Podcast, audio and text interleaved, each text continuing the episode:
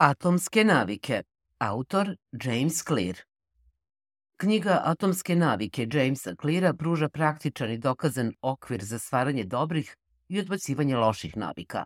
Oslanjajući se na naučno istraživanje i primjere iz stvarnog života, pokazuje kako male promene u ponašanju mogu dovesti do stvaranja novih navika i pomoći vam da postignete velike stvari. Uvod. Naučite kako male navike mogu imati veliki uticaj na vaš život. Koju pozitivnu promenu biste želeli da napravite u svom životu? Možda želite da jedete zdravije. Možda želite da čitate više knjiga, naučite nove jezike i savladate klarinet. Koje god promene želite da napravite, lakše je reći nego učiniti. To što želite da jedete više salate zapravo ne znači da hoćete da jedete više salate. To što jednostavno kažete da ćete čitati više knjiga ne znači da ćete pročitati Rat i mir umesto da gledate Netflix. Ali tu dolaze navike. U narednim minutama provešću vas kroz ključne ideje iz bestsellera Atomske navike autora Jamesa Cleara. Zajedno ćemo otkriti da ključ za velike promene u vašem životu ne mora da uključuje velike preokrete. Ne morate da menjate svoje ponašanje ili da se ponovo osmišljavate. Umesto toga, možete napraviti male promene u svom ponašanju koje će, kada se ponavljaju iznova, postati navike koje mogu dovesti do velikih rezultata. Poglavlje 1. Male navike mogu imati iznenađujuće snažan uticaj na vaš život. Za početak, želim da zamislite avion koji se sprema da poleti iz Los Angelesa. Odredište aviona je New York. Pilot unosi sve tačne informacije u kompjuter aviona i avion poleće u pravom smeru. Ali sada zamislite da, nedugo nakon poletanja, pilot slučajno malo promeni putanju leta. On ga menja samo za 3,5 stepena, što je skoro ništa, samo nekoliko stopa. Nos aviona se lagano pomera u stranu i niko, ni pilot, ni putnici, ništa ne primećuju. Ali tokom putovanja kroz Sjedinjene države, uticaj ove male promene bio bi značajan. Na kraju svog putovanja, zbunjeni putnici i još zbunjeniji pilot sletili bi u Washington DC, a ne u New York. Zašto ovo govorim? To je zato što, baš kao i zbunjeni pilot, ne primećujemo sitne promene u našim životima. Male promene ostavljaju zanemarljiv trenutni uticaj. Ako danas niste u formi, krenete na 12-minutno trčanje, sutra ćete i dalje biti van forme. Ako za večeru pojedete picu porodične veličine, nećete imati prekomernu težinu preko noći.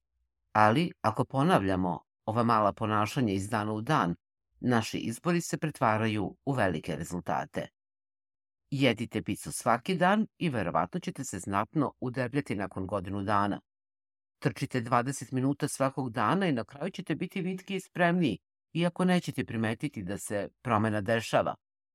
Verovatno ste ovde shvatili glavni uvid. Male navike mogu imati iznenađujuće snažan uticaj na vaš život i nećete nužno videti da se taj uticaj dešava u realnom vremenu. Tek nakon nekog vremena vidjet ćete rezultate svojih navika. Sada znamo da to što ne vidite uticaj vašeg napora može biti obeshrabrujući.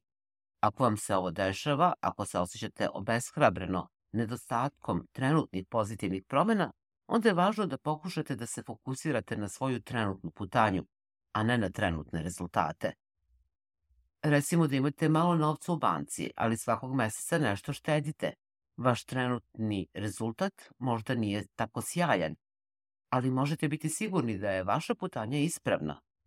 Nastavite u ovom pravcu i za nekoliko meseci ili nekoliko godina primetit ćete značajno poboljšanje. I kada mislite da nema povratka i napretka i da je nedovoljno velik, zapamtite da radite prave stvari i da se krećete pravom smeru. Ali kako se dovesti na pravu putanju? Morate razviti navike. U sledećem poglavlju saznaćemo kako steći dobre navike. Poglavlje 2. Navike su automatizovana ponašanja koja smo naučili iz iskustva. Kada uđete u mračnu sobu, ne razmišljate šta dalje. Instinktivno posežete za prekidačem za svetlo. Posezanje za prekidačem za svetlo je navika. To je ponašanje koje ste ponovili toliko puta da se sada dešava automatski. Ovakve navike dominiraju našim životima, od pranja zuba do vožnje automobila. One su neizmerno moćne. Ali kako se formiraju? U 19. veku psiholog po imenu Edward Thorndike pokušao je da odgovori na ovo pitanje. Prvo je stavio neke mačke u crnu kutiju, zatim je odredio koliko im je vremena trebalo da pobegnu. Za početak, svaka mačka se ponašala tačno onako kako biste očekivali kada je stavljena u kutiju. Očajnički je tražila način da pobegne. Njuškala je po uglovima, hvatala je zidove. Na kraju, mačka bi pronašla polugu koja bi, kada se pritisne, otvorila vrata, omogućavajući joj da pobegne. Tondrake je zatim uzao mačke koje su uspešno pobegle i ponovio eksperiment, vratio ih u kutiju. I šta je uočio? Nakon što je nekoliko puta stavljena u kutiju, svaka mačka je naučila trik. Umesto da se petljaju okolo minut ili više, mačke su krenule pravo na polugu. Posle 20 ili 30 pokušaja, prosečna mačka bi mogla da pobegne za samo 6 sekundi. Drugim rečima, proces izlaska iz kutije postao je uobičajen za mačke. Svojim eksperimentom Thorndike je otkrio nešto važno, ponašanja koja daju zadovoljavajuće posledice, u ovom slučaju sticanje slobode, imaju tendenciju da se ponavljaju dok ne postanu automatska. Naučili smo mnogo više o navikama u decenijima nakon Thorndikeovog eksperimenta. Sada znamo da se navike sastoje od četiri različita elementa. Prvo, to je znak ili okidaš za delovanje. Ulazak u mračnu sobu daje vam znak da izvršite radnju koja će vam omogućiti da vidite. Zatim dolazi žudnja za promenom stanja, u ovom slučaju iz tame u svetlost. Zatim sledi odgovor ili akcija, pomeranje prekidača za svetlo. Poslednji korak u procesu i krajnji cilj svake navike je nagrada. U ovom slučaju osjećaj blagog olakšanja i udobnosti proizilazi iz mogućnosti da vidite svoju okolinu. Svaka navika prati isti proces. Pijete li kafu svako jutro? Buđenje je vaš znak, izazivajući žudnju za osjećajem budnosti. Vaš odgovor je da se izvučete iz kreveta i skuvate šoljicu kafe. Vaša nagrada je osjećaj da ste potpuno budni i spremni da se suožite sa svetom. U redu. Sada kada imate ideju o tome kako navike funkcionišu, hajde da pogledamo kako možete razviti dobre navike koje vam mogu promeniti život na bolje. Poglavlje 3. Stvaranje novih navika zahteva znakove koje je teško propustiti i plan akcije. Dakle, upravo smo otkrili kako se formiraju navike. Hajde da ukratko rezimiramo. Navika se sastoji od četiri stvari. Znak okidač koji vas navodi na akciju. Žudnja, želja koju želite da ostvarite. Odgovor, delovanje same navike. I nagrada, pozitivan osjećaj koji dobijete nakon što ste završili naviku. Jednom kada saznate kako funkcionišu, možete početi da hakujete proces stvaranja navika da biste stekli dobre, produktivne navike. Recimo da očajnički želite da naučite da svirate gitaru. Imate svoj instrument, pokupili ste osnove, ali se borite da vežbate svakodnevno. Svako jutro kažete sebi da ćete svirati kasnije, ali uskoro dolazi kraj dana, a vi niste ni jednom uzeli gitaru u ruke. Ali sada kada znate tajne stvaranje navike, možete iskoristiti to u svoju korist. U ovom slučaju želite da učinite da je znak za uzimanje gitare nemoguće propustiti. Umesto da svoj instrument držite u ormanu ili u uglu sobe, ostavite ga tačno na sredini vaše dnevne sobe. Učinite svoj znak vidljivim, da vam ne može promaći. Ovo će vam olakšati da svoju želju za vežbanjem pretvorite u naviku. Promena vašeg okruženja tako da se vaši znakovi stavljaju ispred i u centar pomoći će, ali ako želite da još više usavršite svoje okidače, možete koristiti ono što je poznato kao namera implementacije. Šta je to? Kada je u pitanju uspostavljanje dobrih navika, većina nas ima tendenciju da bude previše neodređena u vezi sa svojim namerama. Kažemo, hoću da jedem bolje ili naučit ću gitaru i mi se jednostavno nadamo da ćemo ići do kraja. Namera implementacije može nam pomoći da prevaziđemo nejasnu nameru. Namere implementacije uvede jasan plan akcije. Oni vam pomažu da odredite kada i gde ćete primeniti naviku koju biste želeli da negujete. U redu, vratimo se našem primjeru sa gitarom. Umesto da kažete sebi da ćete vežbati gitaru negde ove nedelje, recite sebi ponedeljak, sredu i petak, kada se alarm oglasi, prva stvar koju ću uraditi je da uzmem gitaru i vežbam jedan sat. I ne zaboravite da ostavite gitaru na sredini sobe. Kreiranjem namere za implementaciju, odnosno primjenu u praksi, daćete sebi jasan plan i očigledan trag i može vas iznenaditi koliko će vam biti lakše da izgradite pozitivnu naviku. Hajde da napravimo malu pauzu u našem istraživanju ovde. Možda se pitate, sve ovo zvuči prilično uverljivo, ali da li zaista funkcioniše? Mogu li zapravo da prilagodim svoje okruženje i olakšam stvaranje pozitivnih navika? Zvuči dobro na papiru, zar ne? Ali u praksi? Da bismo odgovorili na pitanje, pogledajmo rad Annie Tondrake, doktorki iz Bostona, i u slučaju da se pitate, ona nije u srodstvu sa ljubiteljem mačaka Edwardom Tondrakeom. Dr. Annie Tondrake se suočila sa problemom sa kojim se većina zdravstvenih radnika suočava. Želela je da pomogne svojim pacijentima da poboljšaju svoju ishranu i promene navike u grickanju. I takođe je znala da donošenje svesne odluke da se zdravije hrani može biti teško. Potrebno je mnogo snage, volje i discipline, a nemamo svi beskrene zalihe snage volje i discipline. Dakle, Annie Tondrek i njene kolege su osmislile test. Kao deo eksperimenta, proredila je bolničku kafeteriju. Soda u frižiderima pored kase zamenjena je flaširanom vodom, a korpe sa flaširanom vodom postavljene su po kafeteriji. Doktorka Tondrek i tim su zatim gledali šta će se dogoditi. I šta mislite, šta se desilo? Pa tokom tri meseca prodaja sode je pala za 11 procenata, a prodaja vode je porasla za preko 25 procenata. Jednostavno, stvaranjem više znakova da ljudi piju vodu, dr. Tondrek i njen tim su uspeli da navedu ljude da donesu zdravlji izbor. Drugim rečima, mogli su da pomognu ljudima da izgrade bolje navike, a da ih ne primoraju da donesu svesnu odluku da to učine. Jasni dokazi da vam promjena okruženja može pomoći da usvojite bolje navike. Poglavlje 4.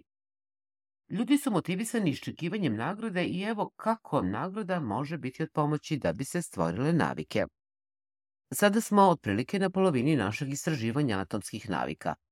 Pogledali smo koliko su navike moćne, kako se stvaraju i kako možete koristiti znakove navika u svoju korist. Sada je vreme da razgovaramo o nagrađivanju stvaranja navika.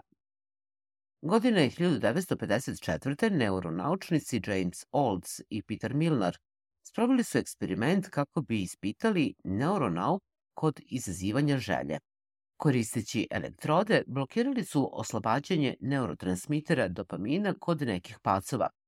Rezultati su bili iznenađujući. Laboratorijski pacovi su jednostavno izgubili volju za životom. Bez dopamina nisu imali želju da jedu, piju, reprodukuju se i radi bilo šta drugo. Samo nekoliko dana kasnije svi su umrli od žeđi. Ova prilično uznemirujuća priča nam govori jednu stvar. Dopamin je ključni motivator. Kada uradimo nešto korisno za naš opstanak, jedemo, pijemo ili bilo šta drugo što nam donosi zadovoljstvo, dopamin se oslobađa i osjećamo se dobro. Ovaj osjećaj zadovoljstva nas motiviše da činimo blagotvornu akciju iznova i iznova. Za sada je jasno, ali kakve to veze ima sa stvaranjem navika? Pa zapravo ne moramo da radimo prijatnu aktivnost da bismo dobili udarac dopamina. Samo iščekivanje da se radi nešto prijatno je dovoljno da dopamin teče. U sistemu nagrađivanja mozga želja za nečim je jednaka dobijanju toga. Možemo ovo pretvoriti u svoju korist. Kada gradimo našu naviku, Ako od nje napravimo nešto čemu se radujemo, mnogo je veća verovatnoća da ćemo je slediti i zaista to učiniti. Želim da vas upoznam sa konceptom skupljanja iskušenja. Spajanje iskušenja je mesto gde uzimate ponašanje za koje smatrate da je važno, ali neprivlačno i povezujete ga sa ponašanjem koje kod vas izaziva zadovoljstvo. Ovako možete koristiti dopamin u svoju korist kada gradite novu naviku. Razmotrite priču Ronana Birna, studenta inženjerstva iz Irske. Ronan je znao da treba više da vežba, ali nije uživao u vežbanju. Međutim, uživo je gledajući Netflix. Tako je Ronan hakovo bicikl za vežbanje. Povezao je bicikl sa svojim laptopom i napisao neki kod koji je dozvolio Netflixu da radi samo ako je vozio bicikl određenom brzinom. Povezujući vežbanje sa ponašanjem koje ga je prirodno privlačilo, transformisao je neprijatnu aktivnost u prijatnu. Ne morate da konstruišete složenu Netflix napravu za bicikl za vežbanje da biste ovo premenili u svom životu. Postoje lakši način da se to uradi. Na primjer, ako treba da vežbate, ali želite da uhvatite korak sa najnovijim tračevima, možete se obavezati da ćete samo čitati časopise dok ste u teretani. Ili, ako želite da gledate sport, ali morate da obavite prodajne pozive, obećajte sebi pola sata sport kanala nakon što razgovarate sa svojim desetim potencijalnim klijentom. Samo pronađite način da učinite te neprivlačne, ali važne zadatke prijatnim, a vi ćete surfovati talasom dopamina i savremeno stvarati pozitivne navike. Poglavlje 5. Ako želite da izgradite novu naviku, učinite da je usvojite što je moguće lakše. Učiniti naviku prijetnom je siguran način da se ona zadrži. Drugi način na koji možemo da započnemo proces stvaranja navika je da ga olakšamo. Lako ponašanje dominira našim životima. Prelistavamo društvene mreže ili jedemo kesu čipsa jer su to jednostavne stvari. S druge strane, uraditi stotinu sklekova ili učiti kineski jezik su prilično teški i zahtevaju mnogo truda. Zbog toga nas ne privlače intenzivne vežbe ili učenje jezika u slobodno vreme. Olakšavajući naše željeno ponašanje što je više moguće, imamo najbolje šanse da ih pretvorimo u naviku. A dobra vest je da postoje različiti načini na koje to možemo da ostvarimo. Prvi način je smanjenjem otpora. Evo šta to znači. James Clear je oduvek bio beznadežan u slanju čestitki. Njegova žena, međutim, nikada ne propušta priliku da pošalje čestitku. I postoji jasan razlog za ovo. Ona kod kuće drži kutiju čestitki sortiranih po prilici. Ovo malo pripreme olakšava slanje čestitki ili saučešća ili šta god se traži. Ona ne mora da izlazi i kupuje potrebnu čestitku kada se neko oženi ili dobije novi posao, a to smanjuje otpor koje je povezano sa slanjem. Otpor je dvosmerni proces. Možete smanjiti otpor da biste pretvorili korisno ponašanje u naviku, ali takođe možete povećati otpor ako želite da ubijete lošu naviku. Dakle, ako želite da gubite manje vremena ispred televizora, isključite ga, izvadite baterije iz daljinskog. Ovo će uvesti dovoljno otpora da bi se osigurali da ćete uključiti televizor i gledati ga samo kada to zaista želite.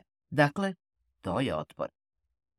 Drugi trik za olakšavanje navike na duži rok je ono što je poznato kao pravilo 2 minuta. Ovo je način da se svaka nova aktivnost učini potesnom. Princip je da se svako ponašanje može pretvoriti u naviku koja je izvodljiva u roku od 2 minuta.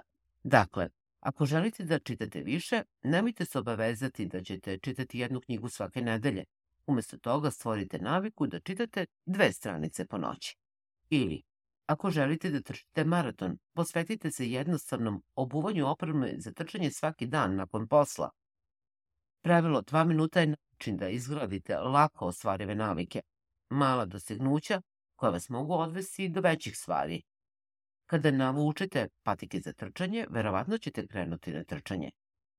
Kada pročitate dve stranice, verovatno ćete nastaviti. Jednostavno, početak je prvi i najvažniji korak ka nečemu. Poglavlje 6. Učiniti da vam navike odmah izazovu zadovoljstvo od suštinskog je značaja za promenu ponašanja. Sada smo sve bliže kraju, ali pre nego što završimo, hajde da pričamo o konačnom pravilu za korišćenje navika za poboljšanje života. A da bismo to uradili, potrebna nam je priča. To je priča o veoma uspešnom istraživaču javnog zdravlja po imenu Steven Luby. 90. godina prošlog veka Luby je radio u nasilju Karači u Pakistanu i bio je odličan u svom poslu. On je smanjio dijareju među tamošnjom decom za ogromnih 52%. Takođe je smanjio stopu upale pluća za 48% i stopu infekcije kože za 35%. Pa koja je bila njegova tajna? Lep sapun.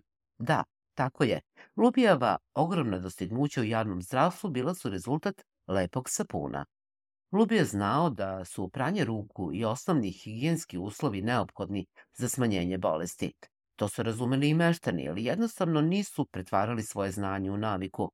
Sve se promenilo kada je Lubi radio sa jednim proizvođačem sapuna na uveđenju premium sapuna u komšiluk i to besplatno. Preko noći je pranje ruku postalo zadovoljstvo. Novi sapun se lako penio i divno je mirisao. Odjednom su svi prali ruke jer je to sada bila prijedna aktivnost. Priča Sivena Lubija ilustruje poslednje i najvažnije pravilo za promenu ponašanja. Navike treba da predstavljaju zadovoljstvo. Ali, to je često veoma težak proces. Ovo je zbog ljudske evolucije. Danas živimo u onome što je poznato kao okruženje sa odloženim povratkom. Danas dolazite u kancelariju, ali plata stiže tek kraje meseca. Ujutro idete u teretanu, ali ne gubite težinu preko noći. Nažalost, naš mozak je evoluirao da se nosi sa okruženjem za trenutni povratak. Naši daleki preci nisu razmišljali o dugoročnim povratima poput štednje za penziju ili pridružavanju dijete. Bili su svesređeni na trenutne brige kao što su pronalaženje sledećeg obroka, traženje skloništa i dovoljno oprezni da pobegnu od bilo kojeg tigra u blizini. Ovaj fokus na trenutni povratak može podstaći loše navike. Pušenje može izazvati rak pluća za 20 godina, ali u ovom trenutku ublažava vaš stres i želju za nikotinom. Trenutni udar vaše cigarete će verovatno nadječati dugoročnu štetu po vaše zdravlje.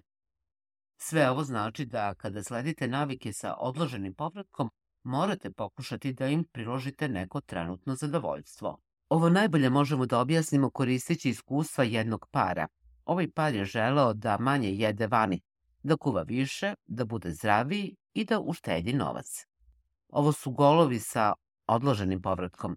Da bi svojim ciljevima dali mali podsticaj za trenutni povratak, otvorili su štedni račun pod nazivom putovanje u Evropu. Svaki put, kada su izbjegavali obrok u restoranu, prebacivali su 50 dolara na račun. Zadovoljstvo što su videli još 50 dolara na svom štednom računu, pružilo je trenutno zadovoljstvo kojem je bilo potrebno da bi bili na pravom putu ka krajnjoj dugoročnoj nagradi. Poglavlje 7. Kreirajte okvir za održavanje vaših navika na pravom putu, koristeći uređaje za praćenje i ugovore. U redu, naučili smo kako da izgradimo sjajne navike, ali bez obzira na to koliko prijatnim činimo naše navike, možda nećemo uspeti da ih održimo. Dakle, u ovom poslednjem poglavlju hajde da pogledamo kako možemo da se držimo naših dobrih namera. Jedan jednostavan trik za stvaranje novih navika zove se praćenje navika. Tokom istorije mnogi ljudi su uspevali tako što su vodili evidenciju o svojim navikama. Jedan od najpoznatijih je Benjamin Franklin. Od svoje 20. godine Franklin je vodio svesku u kojoj je beležio privrženost 13 ličnih vrlina. Ove vrline uključivali su ciljeve, kao što su izbegavanje neozbiljnih razgovora i da se uvek radi nešto korisno. Svake noći Franklin bi beležio svoj napredak u svakoj oblasti. Možete pratiti Franklinovo praćenje navika korišćenjem jednostavnog kalendara ili dnevnika i precrtavajući svaki dan koji se pridržavate svog izabranog ponašanja. Vidjet ćete da je efikasan. Praćenje navika je samo po sebi privlačna i zadovoljavajuća navika. Iščekivanje i precrtavanje svakog dana će vam doneti zadovoljstvo. Osjećat ćete se dobro i daće vam motivaciju da to činite svakog dana. Sledeće što preporučujem je da razvijete ugovor o navici koji, ako ne uspete da ostanete na pravom putu, nameće kaznu. Brian Harris je preduzetnik iz Nashvilla i veoma je ozbiljno shvatio svoj ugovor. U ugovoru koji su potpisali on, njegova supruga i njegov lični trener, obavezao se da će svoju težinu smanjiti na 100 kg. Zacrtao je koje navike će mu pomoći da postigne cilj. To je uključivalo praćenje njegovog unosa hrane svakog dana i merenje svake nedelje. Zatim je odredio kazne za nečinjenje tih stvari. Ako nije uspeo da prati unos hrane, morao bi da plati 100 dolara svom treneru. Ako nije uspeo da se izmeri, dugovao bi 500 dolara svoje ženi. Strategija je funkcionisala, vođena ne samo njegovim strahom od gubitka novca, već i strahom od gubitka obraza pred dvoje ljudi koji su mu bili važni. Ljudi su na kraju krajeva društvene životinje. Stalo nam je do mišljenja onih oko nas. Samo saznanje da vas neko posmatra može biti snažan motivator za uspeh. Pa zašto ne biste sklopili ugovor o navici? Čak i ako nije tako detaljan kao kod Briana Harrisa, razmislite o tome da se posvetite svom partneru, svom najboljem prijatelju ili nekom od svojih kolega. Ako se složite sa nizom posledica svog neispunjenja, mnogo je veća verovatnoća da ćete se držati svojih navika.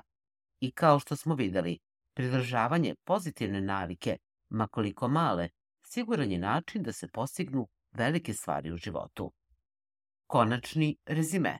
Dakle, stigli smo do kraja. Za sam kraj, evo još jedan savet. Koristite slaganje navika da uvedete nova ponašanja. Ako želite da izgradite novu naviku, možete pokušati da je vežete na već postojeću naviku. Recimo da želite da počnete da meditirate, ali mučite se da nađete vremena.